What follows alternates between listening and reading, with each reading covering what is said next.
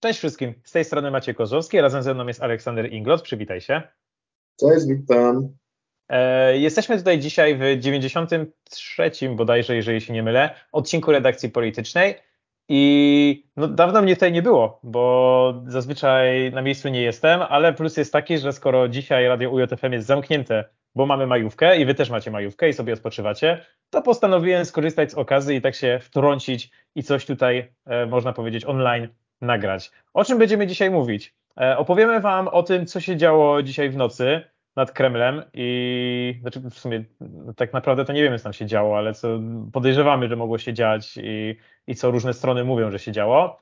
E, opowiemy Wam o tym, co się stało e, w ostatnim tygodniu pod Bydgoszczą. Nie będziemy Wam mówić, co się działo pod Legnicą. Opowiemy Wam także o o tym, co się działo na linii e, Szymon Hołownia i Władysław Kośniak-Kamysz oraz czym jest suwerenna Polska.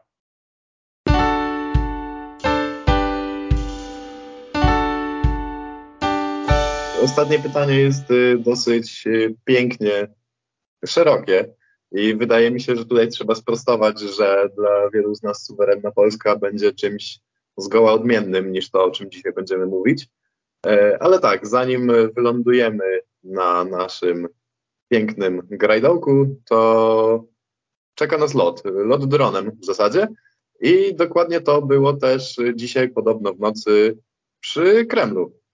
Bo jak podały rosyjskie władze, rosyjska tam agencja y, prasowa, to podobno w Rosji wydarzył się zamach na Władimira Putina.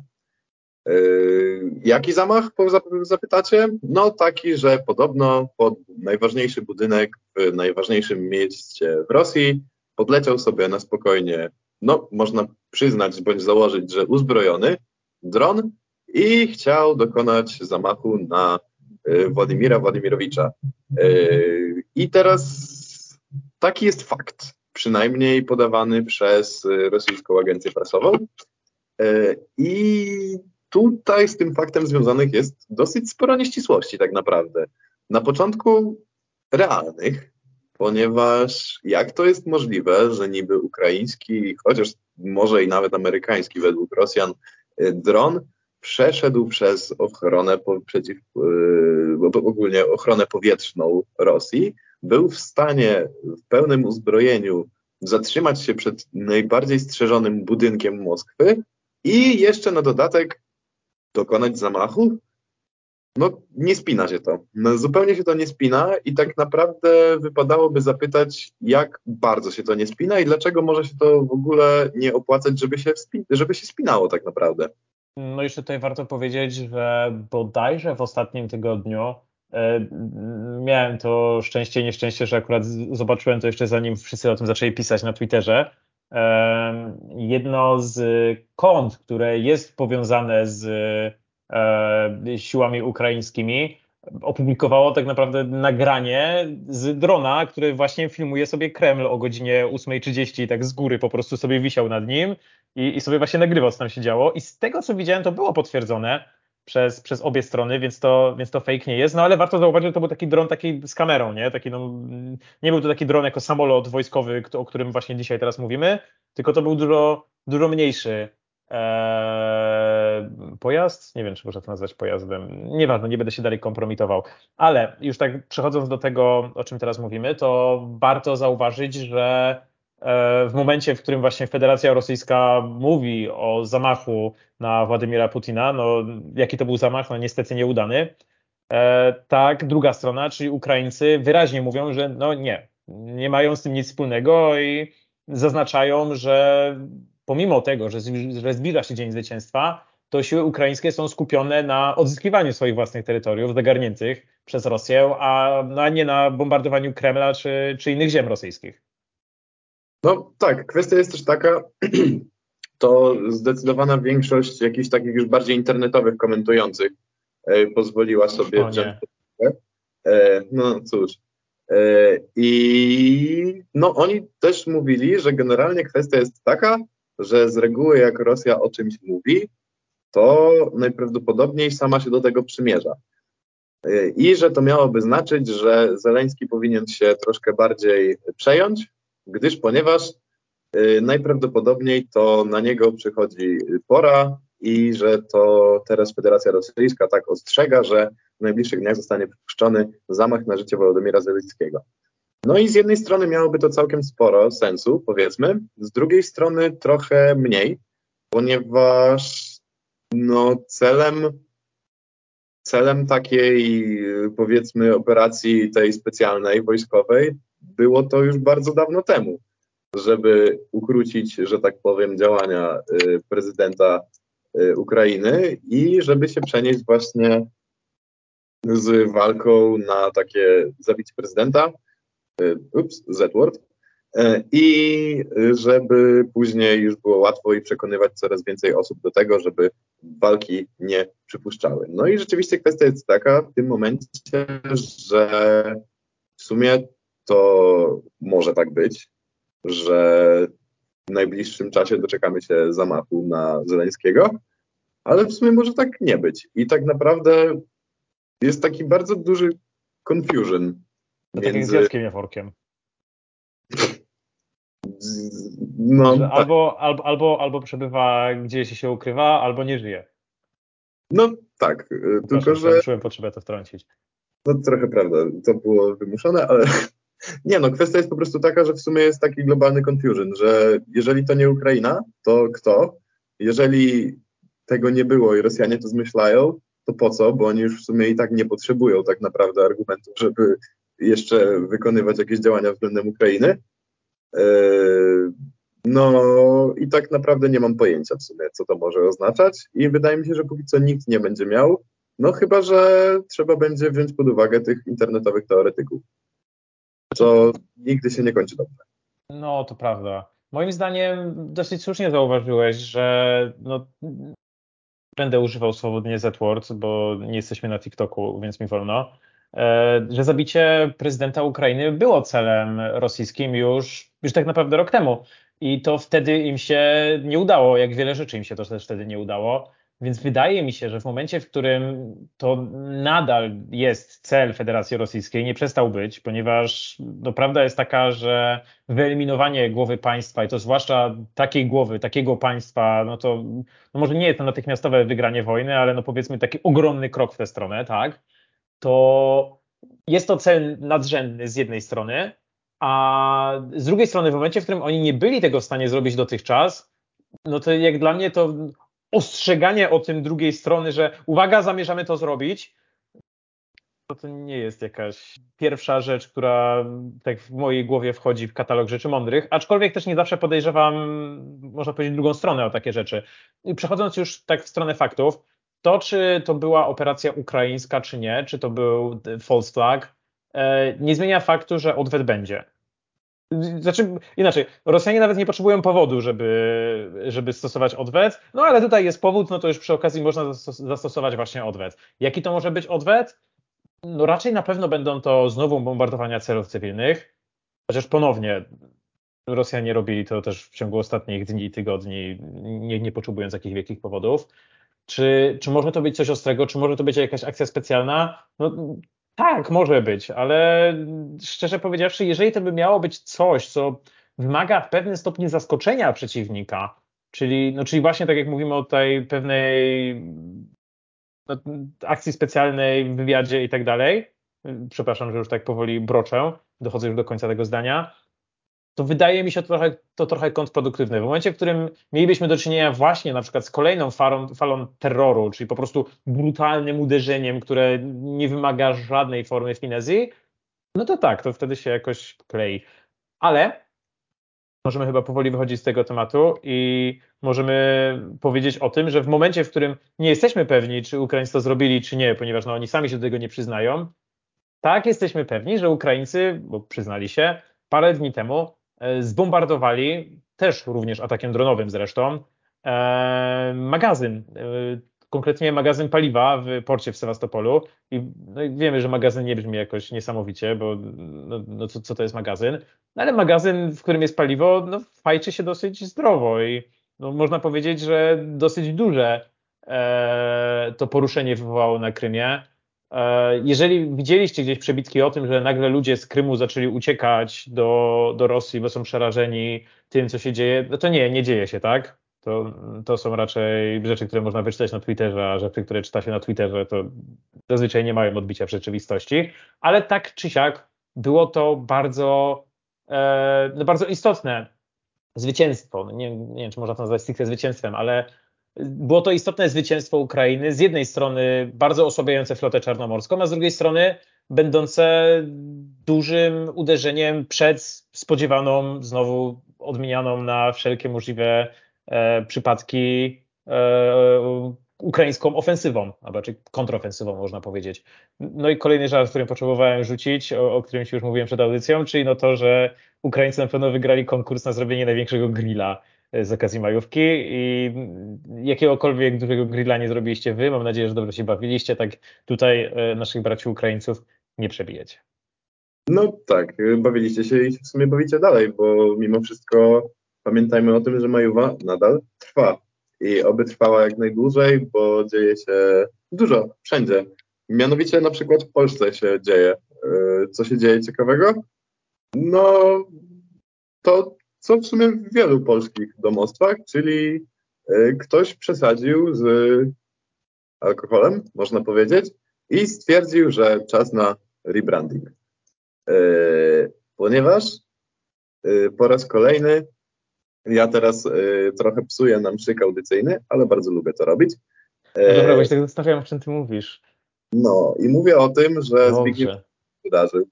Zbigniew Ziobro się wydarzył i popsuł szyki pewnemu memiarzowi z Twittera y, o nazwie Polska Suwerenna, ponieważ zarejestrował nową nazwę swojej własnej partii, czyli tam Solidarnej Polski y, i stwierdził, że w tym momencie Polska nie będzie już solidarna, ona będzie suwerenna. I nawet dzisiaj była konwencja prasowa tegoż ugrupowania, w której działo się niby niewiele, ale jednak jest to znaczący krok ku temu, żeby jednak powiedzmy zapieczętować już do końca to, że wydarzy się mm, co się ma wydarzyć, czyli że pójdą sami do wyboru. Nie uważasz? No tak, no jest to dalsze podbijanie stawki.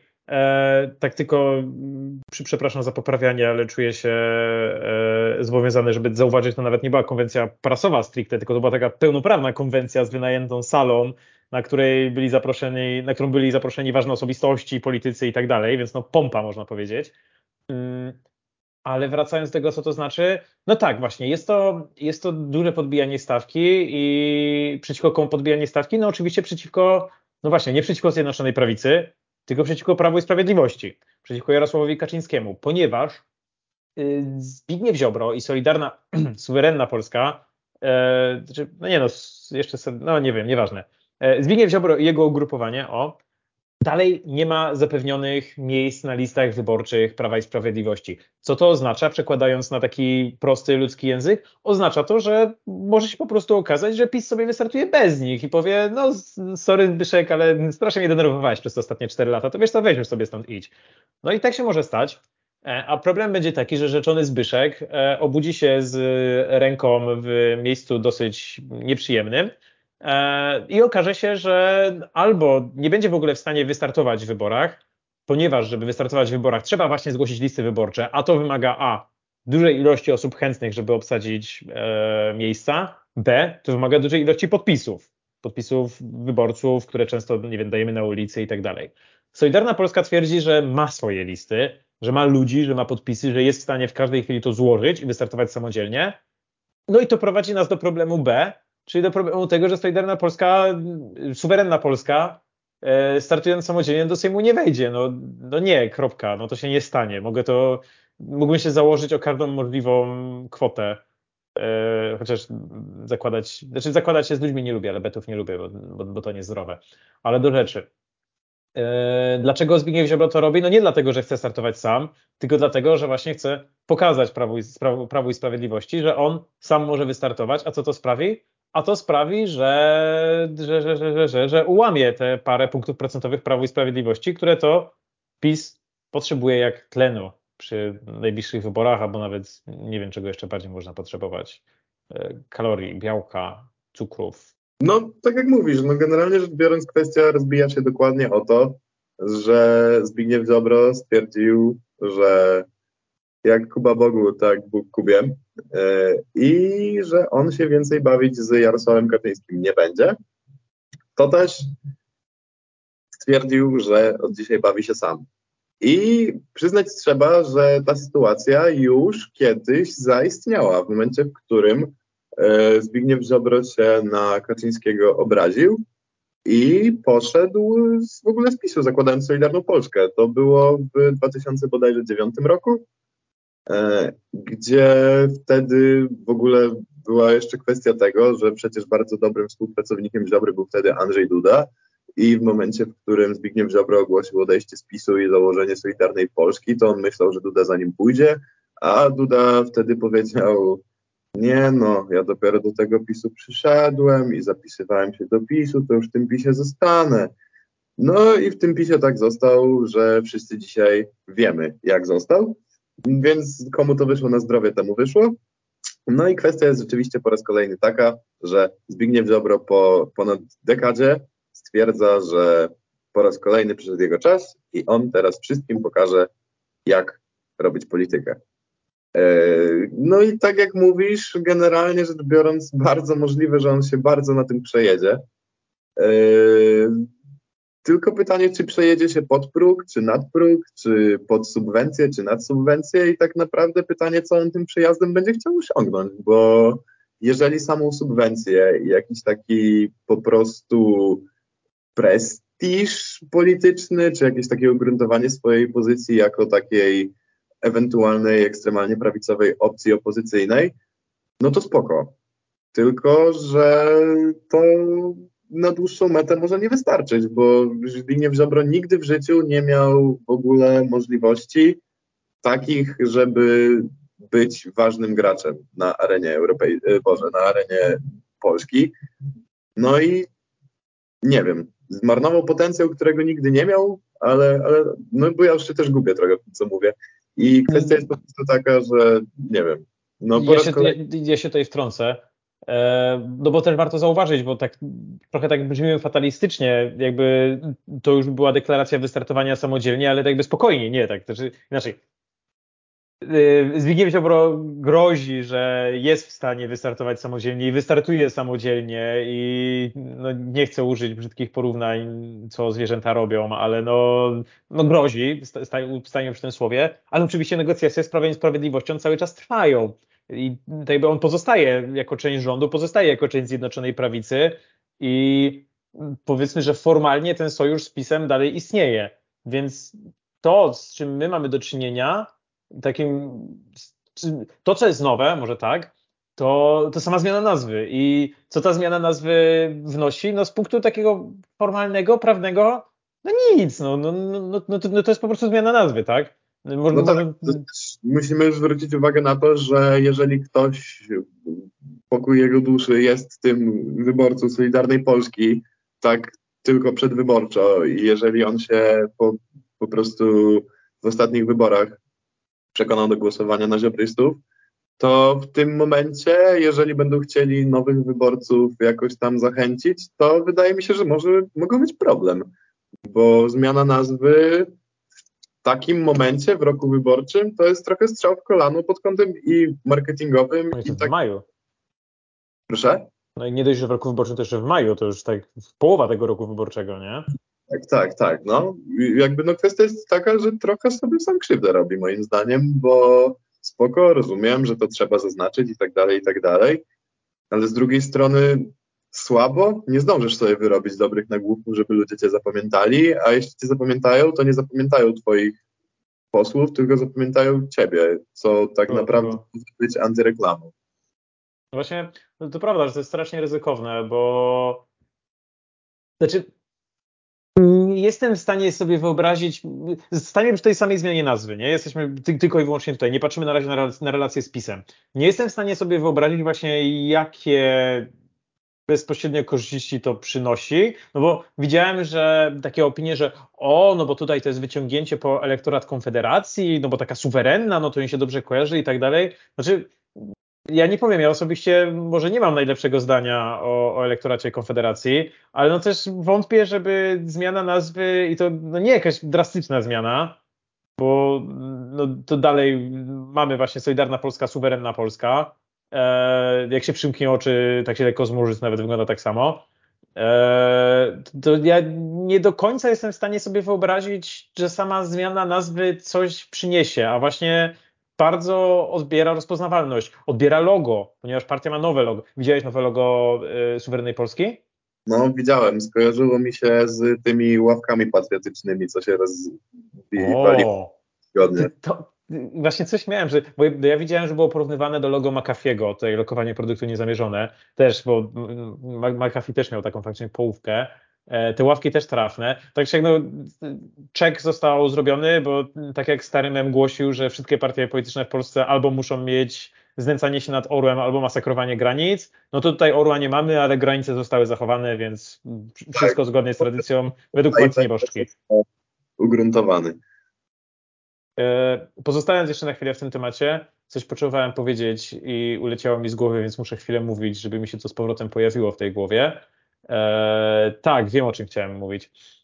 E, o tym, że za samą zmianą nazwy idzie też oczywiście, może nie zmiana, ale zaostrzenie retoryki, bo na dzisiejszej konwencji właśnie, o której mówiliśmy i to konwencji, na której właśnie już oficjalnie ogłoszono tę zmianę, trwała ona parę godzin, ale tak czy siak no Zbigniew Ziobro tam bardzo dużo przemawiał, przemawiało tam parę osób z jego ugrupowania, no i tak pozwolę sobie rzucić paroma statami, które mi tak zapadły. E, no nie powiem w pamięć, bo będę je czytał, ale no wypisały się gdzieś w moim mózgu. Otóż suwerenność Polski jest dziś zagrożona najbardziej od czasu upadku komunizmu.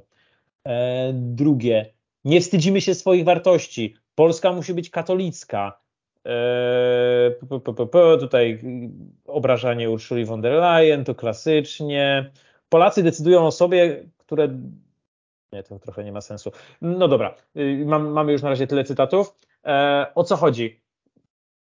W momencie, w którym mówimy, że polska suwerenność jest zagrożona i że w ogóle Polska nie jest suwerenna i, i, i, i, i że trzeba ją ratować, bo, bo za niedługo to przyjdą Niemcy na czele z Donaldem Tuskiem i wszystko zabiorą, no to wydaje mi się, że to takie dosyć duże tam wrzucanie kamieni do ogródka pana premiera, nie? E, pan premier przede wszystkim sam sobie trochę wrzuca kamienie do ogrodu. A no, też to, tak, tak. Ale no, masz rację. Inna sprawa, czy ktoś się spodziewał w ogóle czegokolwiek innego. Ziobro od samego początku cały czas mówił, że y, dla niego najważniejszą kwestią jest to, żeby zastąpić bądź jakoś umniejszyć rolę, y, umniejszyć rolę samego, samego premiera w jakichkolwiek rozrachunkach politycznych. No i kwestia jest taka, że przyznać trzeba, nikt się nie spodziewał niczego innego i to jest trochę to, o czym ja mówię, że każdy Solpol kojarzył z jednym, z, ze Zbigniewem Ziobrą, a jak z Zbigniewem Ziobrą, to z waleniem, za przeproszeniem w Morawieckiego i w, no w PiS tak naprawdę.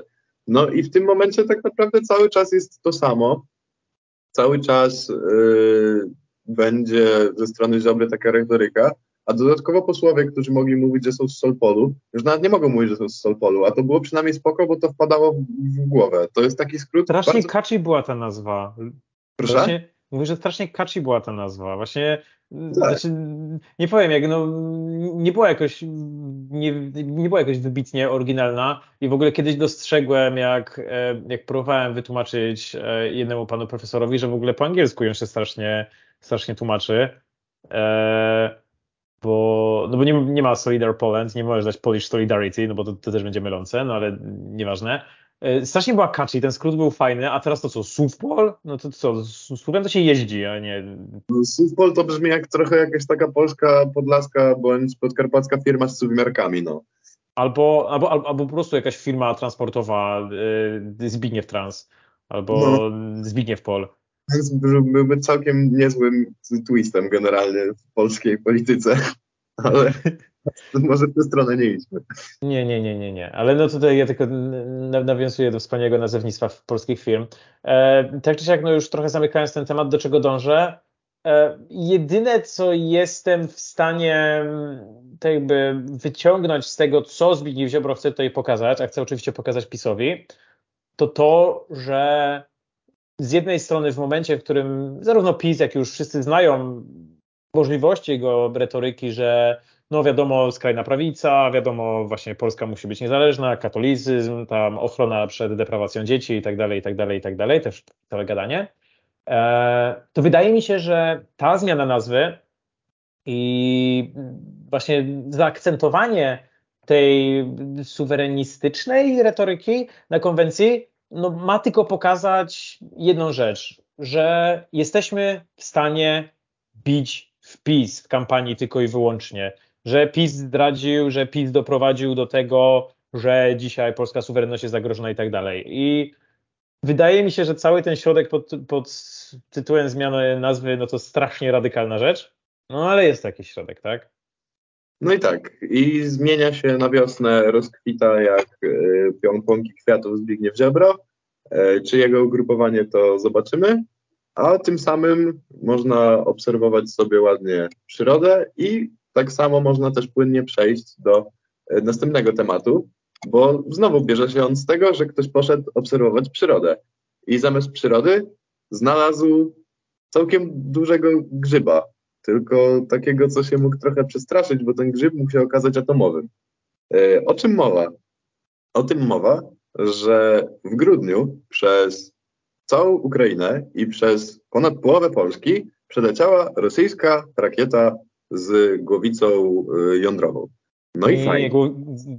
Głowic to nie było. Zdolną przenosić głowice jądrowe. No tak. właśnie.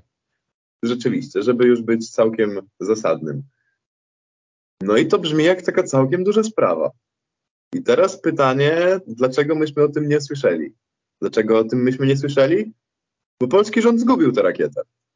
Y, żaden, tak, żaden z myśliwców, które zostały poderwane, żeby śledzić tor lotu, nie był w stanie jej namierzyć. I ona tak poleciała, poleciała, poleciała i spadła pod Bydgoszczą w lesie. Została znaleziona właśnie tak jak mówię. Ktoś sobie poszedł na spacer, stwierdził, Dzisiaj jest cudowny dzień, przed majóweczką znajdziemy sobie... Czytałem, była to pani jeżdżąca po lesie konno. Okej, okay. No to majówkowa przejażdżka konno też wbija się w całkiem była fajny wybuchowa. No i tak, i znalazła rakietę. I z tego, że znalazła tą rakietę, zrobił się całkiem niezły ambaras, można powiedzieć. Y, gdyś no, problem leży, problem leży w paru miejscach. Może zacznę od tego, co już mówiłeś, czyli tego, że z jednej strony, inaczej, o, może powiem takie zdanie, wyciągając z tego, co powiedziałeś. E, dzisiaj mamy maj, ok. Pięć miesięcy temu nad Polską przeleciała rosyjska rakieta zdolna przenosić ładunek e, jądrowy, po czym nikt z tym nic nie zrobił i nigdy o tym nie słyszeliśmy. No i teraz problem jest taki, problem jest pięć miesięcy temu, przeleciała przez połowę Polski, rosyjska, ładunek jądrowy, znaczy zdolna przynosić ładunek jądrowy, zaznaczam, yy, zgubiono ją i nikt z tym nic nie zrobił. Bo no, to jest taki komplet problemów. To znaczy, faktycznie ta rakieta zeszła z radarów, myśliwcy ją zgubiły i e, no, nie wiem, rząd stwierdził, no dobra, pora na CSA. E, gdzieś to mamy. Znaczy, no ja, ja, wiem, że to szukanie takiej rakiety to jest trochę jak igła w stogu siana, tak? I że to nie jest tak, że o niej zapomniano najprawdopodobniej, tylko jej szukano. No i po prostu nie udało się tego znaleźć. Po prostu losowa kobieta, e, dobrze, że nic jej się nie stało, losowa kobieta ją przypadkiem odnalazła, no ale to jest trochę kompromitująca rzecz. Kompromitująca rzecz jest znowu taka, że, że my o tym w ogóle nie słyszeliśmy i tutaj powtarza się trochę scenariusz, też zresztą z paru tygodni wcześniej, tak? Z końca listopada, jeżeli się nie mylę. Czyli z rakiety z kolei e, ukraińskiej przeciwlotniczej, która spada na terytorium polskie i my jako Polacy to, co się dzieje, dowiadywaliśmy się albo od ludzi na Twitterze, albo od prezydenta Joe Bidena, bo polski rząd nic nie powiedział. I polski rząd siedział cicho wtedy, tak? Więc, no, I wtedy mówiliśmy o kryzysie Polskiej Agencji Prasowej i w ogóle komunikowania y, obywatelom tego, co się dzieje. No i potem wyszło to, że mamy attention span Złotej Rybki, bo nikt już o tym potem nie mówił, nikt w ogóle w żadnym stopniu się nie interesował tym, że być może po raz kolejny nie wiadomo, czy coś się stało, czy nie. No i znowu się stało. nie wiem, dla mnie jest to po prostu koszmarnie absurdalne. Znaczy, no i tak już trochę konkludując, przeraża mnie też najbardziej właśnie to, że przez pół Polski przeleciała rakieta zdolna przynosić ładunek jądrowy. Co ważne, w momencie, w którym ona leci, praktycznie nie jest w stanie się stwierdzić, czy ona właśnie nie przynosi tego ładunku jądrowego, bo Rosjanie są na tyle sprytni, że oni je specjalnie obciążają różnymi rzeczami, jakimiś kamieniami i tak dalej, żeby ona imitowała tak, jakby przynosiła ten ładunek. I no więc powiedzmy, że mamy, nad, mamy rakietę, która potencjalnie może być właśnie atomówką, tak? Która przelatuje, i właśnie, przelatuje przez pół Polski, bo teraz uwaga, nie wszyscy z Was mogli mieć geografię rozszerzoną w liceum. Ja miałem, co prawda tego na geografii się nie nauczyłem, ale no powiedzmy, że jest to jakiś powód. Otóż uwaga, Bydgoszcz. Y, Bydgoszcz bynajmniej nie leży przy granicy, żadnej, ani tym bardziej białoruskiej, rosyjskiej, ukraińskiej. Bydgoszcz w sumie tak leży... Torunia. Tak, no blisko, blisko Torunia, tak nawet, no chyba nawet bliżej trochę Niemców, ale pewien nie jestem. Znaczy tak, no odległości tak podobne, blisko centrum Polski, na północy. do czego piję? No to właśnie, to nie jest tak, że to spadło gdzieś przy granicy, tylko to spadło w kurczę centrum Polski. I no i dalej, no tak jak mówię, nikt z tym nic nie zrobił. E, dlaczego to nie zostało w ogóle wspomniane do wiadomości publicznej? Dlaczego to w ogóle nie zostało przekazane? No pewnie dlatego, żeby nie siać pańki, tak? No, bo w momencie, w którym faktycznie to był grudzień, przyznam się, że nie wiem, kiedy dokładnie było w grudniu, tak kojarzę, jak czytałem, że to gdzieś było w okolicach, że ona miała spaść tam w okolicach połowy grudnia, to no jednak Polacy byli tak trochę świezi jednak po tym, co, co stało się e, właśnie w Przewodowie e, z jednej strony, z drugiej strony no właśnie, no była to rakieta stricte rosyjska, która mogła przynosić ładunek jądrowy i spadła na terytorium polskie, no to artykuł 5 NATO tutaj aż już po prostu palec na guzik chce lecieć, tak? E, no i z jednej strony tak, no rząd polski o tym wiedział, Amerykanie też na pewno o tym wiedzieli, nawet nie dziwiłbym się jakby szybciej niż, niż, niż, niż Polacy. No i jakby zrozumiałe jest to, dlaczego nam to nie powiedziano, no ale no właśnie, no, no takie sprawy wyjdą prędzej czy później, tak? I, I to jest tak, że no, to prędzej czy później doprowadzi do takiej sytuacji, że, że my się dowiemy o tym, że właśnie nad Polską może przelatywać pocisk jądrowy i nikt nam nic o tym nie powie. No tak. I teraz pytanie, czy powinniśmy się tym przejmować? Bo wydaje mi się, że w sumie chyba nie, ale też jak bardzo to świadczy o nieudolności czegokolwiek, w momencie, w którym obywatele muszą podejmować decyzję, że nie będą się przejmować tym, że ich rząd może nie być w stanie zareagować na potencjalnie destruktywną sytuację. Znaczy, no, po prostu nie jest w stanie zareagować. No, wydaje mi się, że jesteśmy w stanie to powiedzieć. To znaczy, no inaczej, taka rakieta to jest tak top jeden, że tak powiem, rzeczy, które mogą zagrozić twojemu państwu, tak? tak jakby, jak, jak masz, nie wiem, priorytet rzeczy, które chciałbyś zestrzelić, które właśnie lecą w swoim kierunku, to one jest najwyżej. I, i problem jest taki, że on. No i, I problem jest taki, że ją chcieli jak w jakiś sposób zestrzelić, no bo ona była eskortowana, za nią leciały myśliwce i tak dalej, prawdopodobnie były na nią nakierowywane radary, ale no to nie udało się, no. No, i no to jest, to jest jeszcze jakiś najtańszy typ rakiety, no. No przepraszam, ale to, to jest tak, że my od roku słyszymy o tym, że polska obrona przeciwlotnicza leży że w momencie, w którym nad Polskę nadleci jakiś pocisk, to my nic nie będziemy tym, w stanie z tym zrobić. No i no i z jednej strony człowiek jest na to przygotowany, ale, no ale potem i tak się dowiaduje, no i tak jest zawiedziony. No dosłownie tak jest. No, nie ma co się oszukiwać. W tym momencie przyszedł czas na nasze narzekanie, jak z reguły to bywa, e, na to, że że tu nic nie działa, no Boże. Nie działa, no. Znaczy, chcę się powiedzieć, że w Polsce jak w lesie, tylko że w Polsce aktualnie, tylko że w lesie polskim aktualnie leżą rakiety, które spadły z Rosji, więc może powiedzmy, że nie w całej w Polsce tak jest, jednak. Ale no jak w takim, nie wiem, nie polskim lesie, to tak trochę, o, Zbigniew Siorok powiedział, że jak w niemieckim lesie. No bo suwerenność Polski jest zagrożona. Tak, no i to rzeczywiście, tylko że wiesz, jeżeli to jest koło Torunia, to nie wolno trochę uderzać w ojca dyrektora, wiesz o co chodzi. A, no tak. To, na pewno Zbigniew Ziobro nie pójdzie. Nie, nie wziąłem pod uwagę aspektu polityczno-religijnego od całego tego wydarzenia.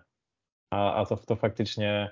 Właśnie, a co z różańcem naokoło Polski? Takie rzeczy nie powinny nas tutaj jakoś bronić, czy coś? A to jakoś ja niedawno, niedawno był ten różaniec zrobiony, nie? No, w sumie tak. Ja, ja, ogólnie wiem, że brzmi teraz bardzo żałośnie i jak jakiś wujek przy, yy, przy stole, ale no, ta sama sytuacja to jest jeden wielki wujek przy stole. to prawda. Znaczy, no, nasz humor jest dostosowany do tego, co się stało. To znaczy, no, będziemy rzucać sucharami, bo no, tylko tym aktualnie jesteśmy w stanie rzucać, no niczym więcej. E, ale no to i tak już pijąc dalej tego twojego żartu i zamykając ten temat, to powiem, że właśnie różaniec był chyba po grudniu przesyłany, więc mowa różaniec został zorganizowany w następstwie tego ataku, żeby następne się nie powtórzyły. No to expiration date po prostu nastąpił ciężki, bo, bo się już nie udało nadrobić. No ale dobra, e, zostawmy może te biedne rakiety, jedne, drugie, trzecie, zostawmy tego premiera Morawieckiego. Mówiliśmy o kwitnących rzeczach, opowiedzmy o kwitnącej przyjaźni. Yy, tak, i myślę, że możesz jak najbardziej zacząć ten temat. E, tak, otóż w ostatnim tygodniu, e, bodajże w zeszły, już bo to sobie zapisałem, właśnie czwartek, tak, przepraszam, dni tygodnia mnie strasznie pokonują. E, w ostatni czwartek miała miejsce konferencja, tym razem to była konferencja prasowa, e, połączona Polski 2050 i Polskiego Stronnictwa Ludowego, na którym ugrupowania, na którym przedstawiciele tych ugrupowań stwierdzi, dobrze, proszę Państwa, idziemy na jednej liście, robimy koalicję, zniszczymy PiS, trzecia droga i tak dalej. E, no i tak trochę brzmi prześmiewczo, ale no w sumie dobrze, że to się stało.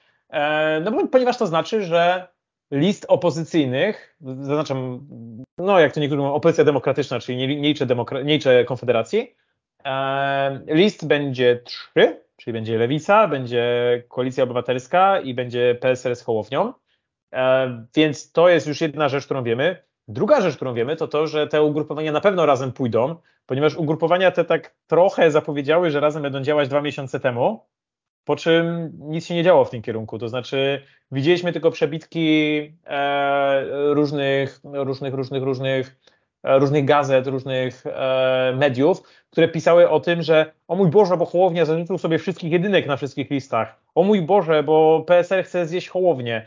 No i tak to sobie trwało i trochę to wyglądało, jakby te ugrupowania, no może nie miały się nie dogadać, ale no miało to być na pewno bardzo trudne.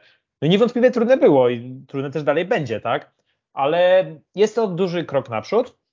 E, faktycznie PSL-owi nie grozi już spadnięcie pod próg, Hołowni też nie grozi już spadnięcie pod próg, aczkolwiek e, panowie, że tak powiem, no bo mamy tutaj dwóch, dwóch liderów mężczyzn, e, panowie dalej są zagrożeni koalicyjnym progiem wyborczym, ponieważ to ugrupowanie, wydaje mi się, że ta lista wyborcza ma się nazywać Trzecia Droga, ale to ja nie wiem, czy to już było tak oficjalnie zapowiedziane, czy na razie to widziałem jako pomysł. Piąta Konfederacji.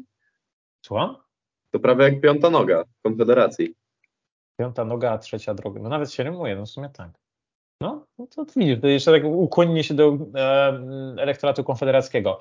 Ale no, e, chodzi mi o to, że ta koalicyjny komitet wyborczy, który tutaj będzie założony, czyli właśnie ta wspólna lista, jak to się mówi, to jest e, komitet, który ma podwyższony wymóg progu wyborczego. To znaczy, żeby otrzymać subwencję, bodajże musi przekroczyć 5%, jeżeli się nie mylę. No ale no powiedzmy, że teraz nie interesuje, bo zakładamy, że 5% przekroczy, ale żeby dostać się do Sejmu, musi przekroczyć procent punktów procentowych 8.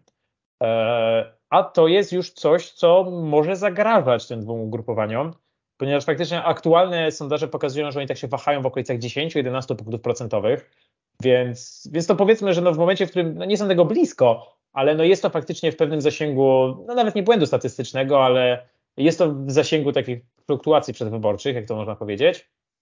E, to z jednej strony. E, jeżeli brzmi to jak bardzo nieprawdopodobny scenariusz, to przypomnijcie sobie postać Leszka Millera z 2015 roku, e, który no właśnie przez, te, przez ten manewr nie dostał się do Sejmu i Leszek Miller, jak to zawsze mówię, alfa i omega polskiej lewicy, bo był jej początkiem i był jej końcem, no zatopił wtedy dzielnie SLD i całą lewicę na 4 lata. E, chociaż zapowiadało się, że to może być nawet na dłużej, a zrobił to przez to właśnie, że zdecydował się na e, zawarcie koalicji na takiej zasadzie, że będzie to e, miało podwyższony próg procentowy, próg wyborczy, przepraszam. I teraz już tak kończąc takie gadanie teoretyczne, to co przepraszam, ale tak krótkie fakty. Dlaczego e, oni to tak robią?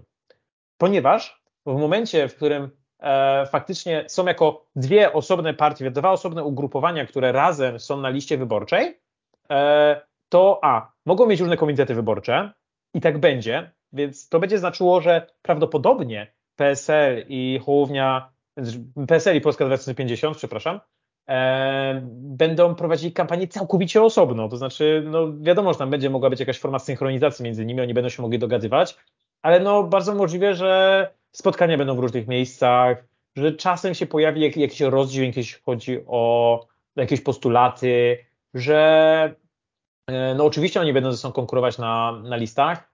Druga rzecz, która to znaczy, która jest jeszcze ważniejsza, to to, że pieniądze z subwencji, które potem będą szły po wyborach, a zakładamy, że będą, nie będą szły tak, jak to ma miejsce na przykład w dzisiejszej lewicy, albo tak, jak to ma miejsce w Zjednoczonej Prawicy, że idą do jednej partii i ta partia w końcu wspaniałomyślnie rozdaje to innym partiom według umowy koalicyjnej, tylko tutaj faktycznie te pieniądze będą szły od razu do dwóch podmiotów osobno. No co to oznacza? Oznacza to to, że po wyborach e, jeden podmiot nie jest uzależniony od drugiego, ponieważ no dzisiaj no w lewicy, z tego co mi się wydaje, to tego aż tak nie widać, ale no w Zjednoczonej Prawicy to jest rzecz, która się pojawiała, czyli to, że te mniejsze ugrupowania są praktycznie uzależnione od e, PiSu, który obiecał im, że da im pieniądze i spoiler, nie dał. E, tutaj tego nie będzie. Też podobnie chyba było z Kukizem przy zeszłych tak. wyborach, ale nieważne. Słucham? Dokładnie tak samo było z Kukizem. No właśnie, że, że PSL mu obiecał pieniądze, a potem nie dał. No, można powiedzieć, że taki stały manewr na polskiej scenie politycznej, yy, niestety. No ale tak jak tutaj ta koalicja tego uniknie. Coś, co jeszcze warto wiedzieć, no to to, że tak jak mówię, w momencie, w którym te ugrupowania nie będą ze sobą w cudzysłowie uwiązane po wyborach, no prawdopodobnie one nawet nie będą w jednym klubie parlamentarnym lub, lub, lub, lub, lub kole, również po tych wyborach, tylko no, po prostu utworzą dwa, utworzą dwa osobne ugrupowania, a ten sojusz, ten, no koalicja wyborcza, no można powiedzieć sojusz, no jest czysto wyborczym, politycznym zagraniem po to, żeby oni zdobyli więcej procent, żeby na pewno przeszli i tak dalej. Moim zdaniem dobrze, że tak się dzieje, tak z punktu widzenia ideowego, że tak powiem, bo, bo z jednej strony to sprawia, że relacje między tymi partiami będą zdrowsze, z drugiej strony ja tak osobiście bardzo nie lubię tego tworu, jakim jest e, koalicyjny komitet wyborców, który jest stosowany do tego, żeby właśnie omijać te przepisy o, o koalicjach wyborczych, ponieważ właśnie twierdzę, że to jest omijanie przepisów. Mm, no ale z trzeciej strony, znaczy tak naprawdę z drugiej, sprawia to, że no, partie te stoją przed zagrożeniem, że mogą nie przekroczyć progu, że mogą powtórzyć manewr Leszka Millera z 2015 roku, albo, albo wcześniej jeżeli się nie mylę, to Wiesława Klanowskiego z 93, ale to już mówię taką prehistorię, że nie będę tego robił. Możesz mi już przerwać, bo robię straszny wywód politologiczny i aż. Nie, mi się tego bardzo dobrze słucha, no i kwestia jest oczywiście bardzo prosta. Yy, mianowicie zobaczymy, czy Hołownia da radę, czy Hołownia dowiezie sam w sobie, bo o ile z PSL-u możemy być pewni, wiemy mniej więcej, co on robi, czego on chce, czego on potrzebuje i tak dalej, i tak dalej, to samym Hołownią trochę ciężko, bo Hołownia ostatnimi czasy próbuje się bardzo miotać przez to, że ma bardzo duże spadki e, poparcia. Znaczy bardzo duże, no takie stałe, całkiem przykre spadki poparcia. No ale o dużym spadku można mówić po tym, jak ogłoszono to współpracę z PSL-em. No to tak, Właśnie, ale no, no, no. biorąc też bardzo mocno spadał. E, ile w tym roli było silnych razem i Gazety Wyborczej i, i tych innych wszystkich cudownych, pięknych, neoliberalnych mediów, to pominiemy. Ale no, Hołownia się przydał. Brzmi po prostu jakby dwóch tutaj sympatyków partii Razem teraz się działo i właśnie spoglądało z dalekiej lewej komunistycznej strony na, na resztę sceny politycznej. How, what have we become, e, jakby klasyk powiedział. E, natomiast, no nie no, wracając tak całkiem, to no, patrzmy na Hołownię, co on robi, bo on się miota bardzo, przynajmniej ten jego przekaz medialny jest bardzo niespójny moim zdaniem, bo jednak mimo wszystko bardzo trudno jest wyłapać, pod kogo jest jego partia. Bo fajnie jest mówić, że partia jest pod wszystkich, tylko żadna partia nigdy nie jest pod wszystkich. A on tutaj robi raz zwrot w stronę wolnościowców, tutaj Dziambora i tak dalej, i tak dalej. Mm, tutaj jednak coś tam gada o socjalnych dodatkach, żeby troszkę lewicy, troszkę PiSowi podebrać. Tutaj z kolei właśnie podaję sobie ręce z Władysławem Kośniakiem-Kamyszem, żeby jak najbardziej rolników przychylnie tutaj e, reprezentować. No i ja nie wiem, mi się w tym wszystkim gubi jakaś taka clear picture mi się w tym wszystkim gubi. Ja nie mam pojęcia, kim jest Szymon Hołownia w polskiej polityce. Nie miałem, pojęcia, nie miałem pojęcia, kim był, jak wchodził do niej i przez te lata wcale moim zdaniem nie udało mu się wyrobić żadnego przejrzystego obrazu tego wszystkiego. Znaczy, mówię, wydaje mi się, że to jest klasyczny big tent, czyli że nie masz jednej, ale teraz nam duży temat chodzi, ale no, że nie masz takiej jednej faktycznie linii politycznej, że jesteś bardziej lewicowy, bardziej prawicowy, bardziej konserwatywny, progresywny i tak dalej, tylko że starasz się faktycznie każdego, każdą grupę wyborców zadowolić, każdemu coś dać, no i to jest fajne w momencie, w którym jesteś dużą partią typu Prawo i Sprawiedliwość albo Platforma Obywatelska przed 2015 i to działa, bo to ma big przez tym TENS, ale w momencie, w którym przestajesz być big, to TENS też się wali. No i wydaje mi się, że tutaj tak trochę to jest, no bo kiedy? E, rok, dwa lata temu widzieliśmy Szymona Hołownię u swojej potęgi, który właśnie od, zdejmował koronę, z, tę koronę srebrną, opozycyjną, e, zdejmował koronę z głowy Koalicji Obywatelskiej i, i szykował się do zastąpienia jej na czele, na czele partii opozycyjnych, a dzisiaj no faktycznie widzimy tę partię, która za niedługo się będzie zmagać z progiem wyborczym i wydaje mi się, że to się nie zmieni. To znaczy, ciężko, inaczej, wyobraź sobie, żeby Szymon Hołownia teraz nagle się określił, wyszedł na scenę i powiedział, dobra, słuchajcie, jestem centroprawicowcem, moje poglądy są takie, takie, takie i takie i te grupy, znaczy no tego już nie powie głośno, ale i tym grupom wyborczym będzie odpowiadał, no bo ja sobie tego nie wyobrażam. No, z jednej strony ja też sobie tego nie wyobrażam, ale z drugiej strony przecież to by miało najwięcej sensu, żeby być spójnym jakkolwiek, no bo nie oszukujmy się, kwestia spójności jest bardzo ważna. Możesz mieć idealnie zbieżne poglądy z jakimkolwiek ugrupowaniem, ale jeżeli nie będziesz miał w ogóle poczucia tego, że to są realne poglądy i tego, żeby w jakiś sposób, no jeżeli nie czujesz potrzeby, jakby nie czujesz tego, że twoja potrzeba realnej reprezentacji jest spełniona, bo nie wierzysz, y, że lider tej, tej, tej, tej formacji jest w stanie to dowieść, no to tracisz nawet najbardziej zagorzałych swoich, powiedzmy, fanów, bo no ile można wytrzymywać to, że Szymon trzeci raz w ciągu tygodnia zmienia zdanie, no. No tracisz, tracisz fanów i tracisz nawet swoich własnych współpracowników, no bo trzeba przejść do tego, że też w ostatnim tygodniu nie jestem pewien, czy to było przed tym już oficjalnym ogłoszeniem listy z PSL czy POL. Tutaj przepraszam za to.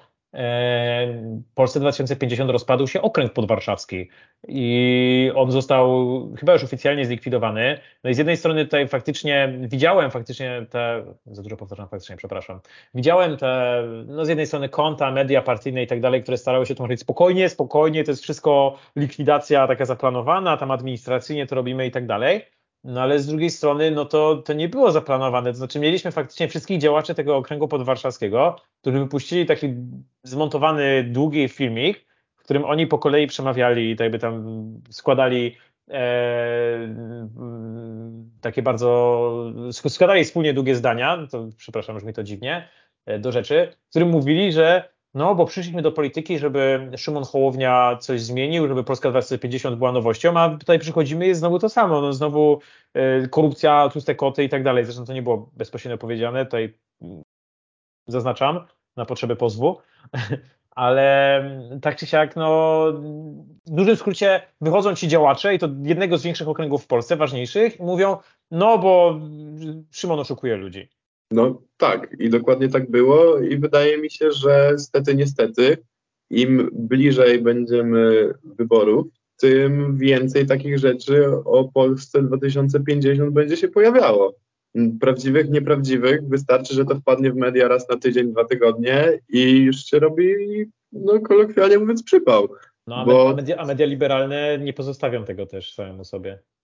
No ciężko by było, żeby Tomasz Lis sobie darował, nie? To, ale z tego, w, to, to już nie wchodząc, nie, to no, tak, tak. kwestia Polski 2050 i tego, jak bardzo chwieje się w posadach, no, zobaczymy, czy te korzenie wyrastające z ziemi, te zielone polskie korzenie utrzymają ten wielki wieżowiec, jakim jest Szymon Hołownia. E, I czy razem dzięki temu będzie taki ekobrutalizm na polskiej scenie politycznej trwał i trwał. Szczerze powiem Ci, że chciałbym, żeby tak było, bo trochę jesteśmy ostatnio zastani, jeśli chodzi o to, co tu się dzieje. Nie wiem, czy masz też takie no, wrażenie. No Wiadomo, na pewno dobrze by było, żeby dostali się do parlamentu i, i żeby faktycznie to była jakaś taka siła, aczkolwiek ja trochę nie wierzę, żeby oni. No bo inaczej, wydaje mi się, że dzisiaj to jest takie ugrupowanie, które, no wiadomo, nie celuje w pierwsze miejsce w wyborach, oczywiście ani drugie, tylko tak celuje tak do, do 15 punktów procentowych, nie? Tak potencjalnie, nie realnie, potencjalnie. A realnie, to ja nie wierzę, żeby oni przekroczyli 10. Szczerze powiedziawszy, no spodziewałbym się coś między 9 a 11, więc też o to się nie założę. E, na pewno będzie mi przykro, jeśli oba te ugrupowania się wywrócą, bo wtedy zostajemy z koalicją PiSem, Konfederacją i Lewicą. I Lewicą, czyli, no. Bardzo niedobrze by było. Czyli każdym tak naprawdę ugrupowaniem po kolei, które absolutnie nie umie się z innym dogadać. Więc to prawda. Tak potężna stagnacja, że już w ogóle będzie tragedia. To Zwłaszcza prawda. z tym, że no już nawet patrząc tak realnie, inflacja może i teraz w tym momencie realnie jakoś tam sobie zwalnia, ale na pewno nie w dobrym tempie, a zastój rządowy temu w żadnym stopniu nie będzie w stanie pomóc. No, mój, mój nauczyciel od WOS-u e, w liceum zawsze, powtarzał, zawsze powtarzał przykład belgijski, że tam jak nie było rządu przez, przez parę miesięcy, to PKB zaczęło rekordowo rosnąć. Mm, ale już tak mówiąc do rzeczy, jeszcze na chwilę zostałem w tym temacie. Wiem, że już jest późno i nam się audycja kończy, ale wspomniałeś o wolnościowcach. Myślisz, że oni mogą mieć miejsce w tej koalicji? Oj, znaczy, nie. Jakieś miejsce mogą mieć, ale myślisz, że to jest faktycznie realne? Może tak. Na pewno nie będą mieli żadnej jedynki, a jeśli nie będą mieli żadnej jedynki, to też nie będą chcieli w tę koalicję wejść. I wydaje mi się, że dokładnie tak to się skończy. A mają inne opcje?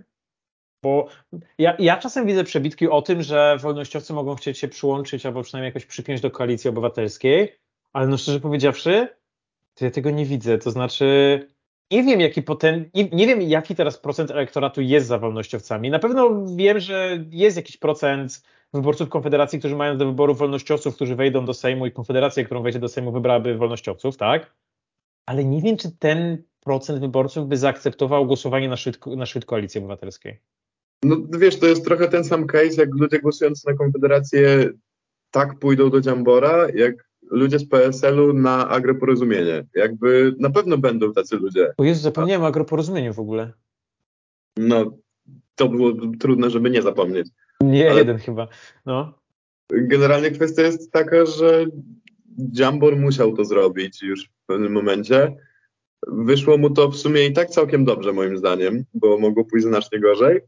E, ale no zobaczymy. Z tego, co się mówi w jakichś kuluarach, młody Sośnierz jest zupełnie już niezainteresowany startowaniem w następnych wyborach. Jest zmęczony polityką i ma do niej nie wracać. E, chwała mu za to. Może się to powiedziałeś, a nie ja. Może się dogada z tatą przy świątecznym stole w końcu. E, natomiast kwestia jest też taka, że hmm, no nie wiem. No moim zdaniem będą walczyć o jakieś 3% z połączeniem się z jakimiś dziwnymi wolnościowymi komitetami, których nazwy nawet nie znamy i będą po prostu walczyć o zwrot subwencji i to będzie tyle, żeby się jakoś przegrupować w nadchodzącym y, okresie parlamentarnym. Nie no, ale dostać subwencję jako ugrupowanie, które powiedzmy, no tak jak teraz, oni nie mają nic poza trzema nazwiskami, tak? To jeszcze jeden, który tak jak mówisz chce się wycofać, czyli tam zostają dwa, czyli Dziambol Kulesza E, no to no właśnie, no oni, oni nie mają nic. A ugrupowania takie wolnościowe, no co, no mamy libertarian, którzy chyba w końcu założyli już partię formalnie, więc no powiedzmy, że tam jakieś podstawy prawne są, ale no powiedzmy, że o libertarianach załóżmy, że jak będzie, jak będzie słyszało więcej procent niż 10, więcej niż 10% naszych widzów, to będę zdziwiony. Ty, a co z partią możemy? Zebrali te podpisy w końcu, czy nie? O Jezus. Nie, mi, mi, mi, się wydaje, że partia Możemy upadła wraz z zmniejszeniem się liczby streamów w MyPolitics, bo, bo oni głównie tam funkcjonowali. Pozdrawiam ludzi z MyPolitics, jeżeli, jeżeli tego słuchają. Naprawdę was lubię. Eee, i chętnie gdzieś wyskoczę, jak, jak, jak się będziemy widzieć następnym razem.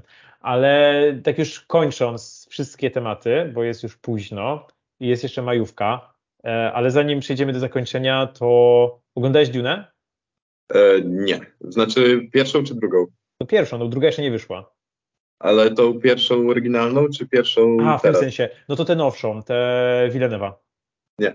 A, okej. Okay. Bo chciałem ci powiedzieć, że właśnie godzinę temu wyszedł trailer Dune 2, więc jakbyś chciał sobie obejrzeć, to można, ale jak nie oglądałeś, to, to pewnie nie będziesz zainteresowany, ale może nasi słuchacze będą zainteresowani. Po Martinie Scorsese i jego Irlandczyku ja trochę stronię od filmów, które trwają dłużej niż 7 lat, więc e, z Dune'ą... Nie była taka droga, taka długa. 30 trwała? No tak, no nadal. Nie wiem, jest, żyjemy w epoce seriali i mój attention powyżej 45. Tak, tak, wiem. Jak serial ma dłużej niż 15, jak film ma dłużej niż 15 sekund, to już jest za długi. Tak, tak, wiem, TikTokerze. E, no dobra, w każdym razie, rzeczywiście Majuwa trwa w najlepsze i nie wiem jak ty, ale ja za chwilę zdejmuję swój piękny szlafrok, szlafrok i idę yy, no Majówę podczas urlopu. E, tak, e, przeżyć majówę i myślę, że wielu z nas e, widzów, nas słuchających i słuchaczy też ma takie plany, także nie ma co przedłużać. A, ale przerwę mimo wszystko, bo jest część osób, które może nie mieć takich planów, bo jutro są matury. O Jezus, rzeczywiście. Właśnie, to, to, to, jest tak, że my jesteśmy tak starzy, że już zapomnieliśmy o tym, że istnieje coś takiego jak matury, ale jutro one się zaczynają i nie wiem, czy któryś, ktoś z nas słuchających jest na, na tyle młody, żeby mieć matury, E, raczej nie, ale jeżeli jest i jakimś cudem nas słucha przed tymi maturami, nie polecam tego, bo macie lepsze rzeczy do roboty, na przykład wyspać się, dlatego się wyśpicie najlepiej, ale jeżeli jakimś cudem tego słuchacie, nie wiem, w środku tych matur czy tak dalej, to trzymamy za was kciuki, życzymy powodzenia. Jeżeli nas słuchają osoby starsze, których, nie wiem, dzieci, wnuczki, prawnuczki, o, może to jest bardziej prawdopodobne, idą na matury, to też im życzcie powodzenia, bo na pewno im się przyda. Tak, jak najbardziej, e, zwłaszcza, że nie wiem, czy widziałeś, jak w tym roku wygląda matura z polskiego, ja się wczoraj właśnie dowiedziałem, yy, na, na, Twitterze zresztą, że teraz jak jest rozprawka, to tam nie masz fragmentu tekstu. Yy, to raz, tam w ogóle jest to wszystko teraz podzielone na jakieś epoki, tam są naprawdę rzeczy takie no stricte humanistyczne, żeby je wiedzieć. I no, no ja w liceum, no jestem gdzie jestem, ale w liceum byłem na matfizie. I z polskim było mi bardzo nie po drodze, bo mi się nigdy nie chciało, nie będę ukrywał i pozdrawiam tutaj panią, która się do tego bardzo przyczyniła.